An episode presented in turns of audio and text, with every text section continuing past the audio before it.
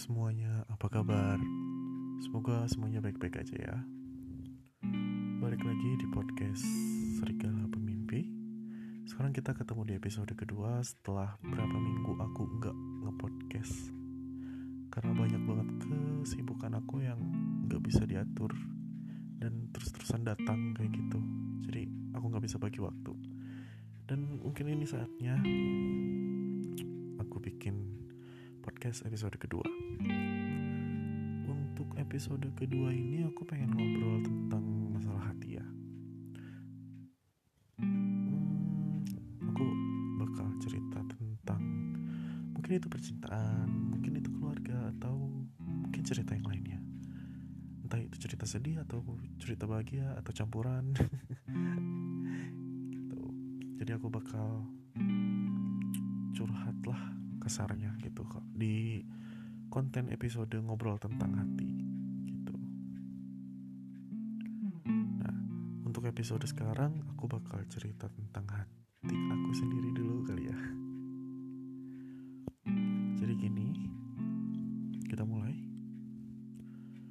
Kalian pernah nggak sih jatuh hati pada orang yang salah? Entah apa pun itu dan salah dalam hal apa pun itu.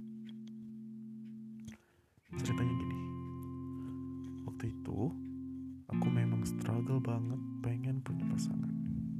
Padahal aku sendiri nggak tahu definisi pasangan itu untuk apa.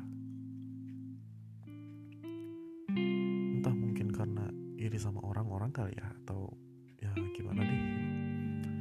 Saat itu aku baru aja sakit hati, di ghosting, istilah zaman sekarang. Jadi aku pikir aku nggak mau buka hati dulu untuk waktu yang mungkin cukup lama. Tapi ada satu orang datang ke aku. Akhirnya kenalan, saling kenal, dan dia bilang mau coba buat serius. Di sini posisi aku sedang nggak mau buka hati, ya tadi aku sebutin tadi kan. Tapi karena aku butuh juga ya, udah deh, mau nggak mau coba buat buka hati gitu ya istilahnya PDKT lah. Awalnya dia udah ngasih harapan tinggi banget. Udah bilang sayang udah bilang nyaman udah bilang jangan tinggalin aku coba. Di situ hati aku udah mulai terbuka. Sebulan kemudian aku udah mulai pengen serius sama dia. Ya tapi kok dia kayak berubah udah gak pernah fast respon chat seadanya dan sebutuhnya kenapa ya? Aku tanya dia cuma bilang ah berubah dari mana? Padahal aku lihat banget gimana dia berubah. Ah udahlah. Aku rasa ini aku yang terlalu peka kata aku. Setelah beberapa hari kemudian perubahannya tambah kelihatan. Aku tanya lagi sekali. Kamu kenapa? Akhirnya dia berani jujur dan bilang bahwa dia belum siap buat pacaran. Oke. Menurut aku, untuk apa kasih harapan tinggi di awal kalau akhirnya kasih alasan yang klasik macam ini? Aku nggak nyalahin semua orang yang pakai alasan aku belum siap pacaran atau aku mau fokus ujian atau alasan klasik lainnya ya. Karena memang nggak semua orang pakai alasan itu cuma sebagai alibi. Dan pesan untuk kalian yang memang ngerasa udah nggak cocok, jujur aja, please. Toh mereka bakal lebih menghargai alasan kalian dibandingkan alasan klasik semacam itu. Dua kemungkinan, lanjut terus bareng-bareng coba perbaiki kesalahan atau malah selesai sampai di sini.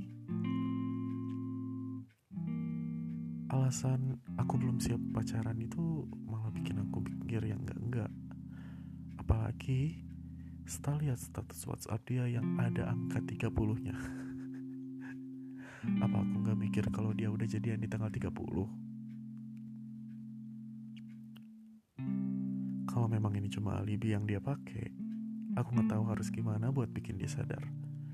Bukan dendam. Tapi seenggaknya dia harus berani jujur dong berani berbuat dan berani bertanggung jawab. Setelah itu kami lost contact karena menurutku alasan aku belum siap pacaran. Adalah hal paling klasik yang sering aku dengar untuk nutupin alasan. Kamu gak menarik? Atau aku gak ngerasa ada kecocokan atau aku udah punya pacar. Kamu sur uh, kamu terlalu terlambat. Aku udah punya duluan. Hmm. Sakit sih.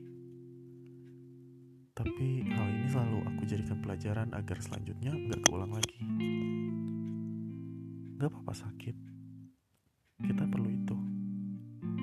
Gak apa-apa sedih tapi kita harus cepat bangkit dari keterpurukan.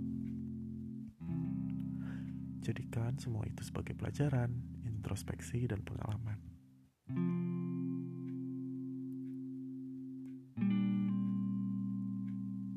Yakin kita bisa bangkit? Yuk bangkit bareng teman-teman. Jadikan rasa sakit dan sedih ini senjata buat kalian lebih kuat lagi Tuhan baik kok teman-teman. Tuhan bakal kasih kita cobaan yang pasti bisa kita lalui. Semangat ya. Masih banyak orang yang sayang kamu kok. Masih banyak orang yang lebih pantas daripada dia. Oke cukup ya sedihnya. Yuk sekarang kita bangkit. Sekarang kita cintai diri sendiri. Love myself kita me time. Kita pikirin lagi kira-kira apa yang kurang dari kita. Dan kita berusaha buat memenuhi kekurangan kita masing-masing. Kayak mungkin curhat aku segitu dulu aja ya kali ya. Kalau kebanyakan kayak apaan sih? gitu loh. Oke, mungkin sekian dulu cerita dari episode kali ini maaf banget kalau misalkan masih ada hal-hal yang kurang jelas karena ini pure dari pikiran aku sendiri tanpa skrip. Makasih banyak buat kalian yang masih stay dengerin podcast aku. Makasih banget. Udah ditinggalin sama aku berapa minggu tapi masih dengerin. Terharu aku. Makasih udah jadi supportive listeners aku. Jangan lupa tetap pantengin ya. Tunggu episode-episode selanjutnya Untuk episode kali ini aku tutup dulu ya. Dah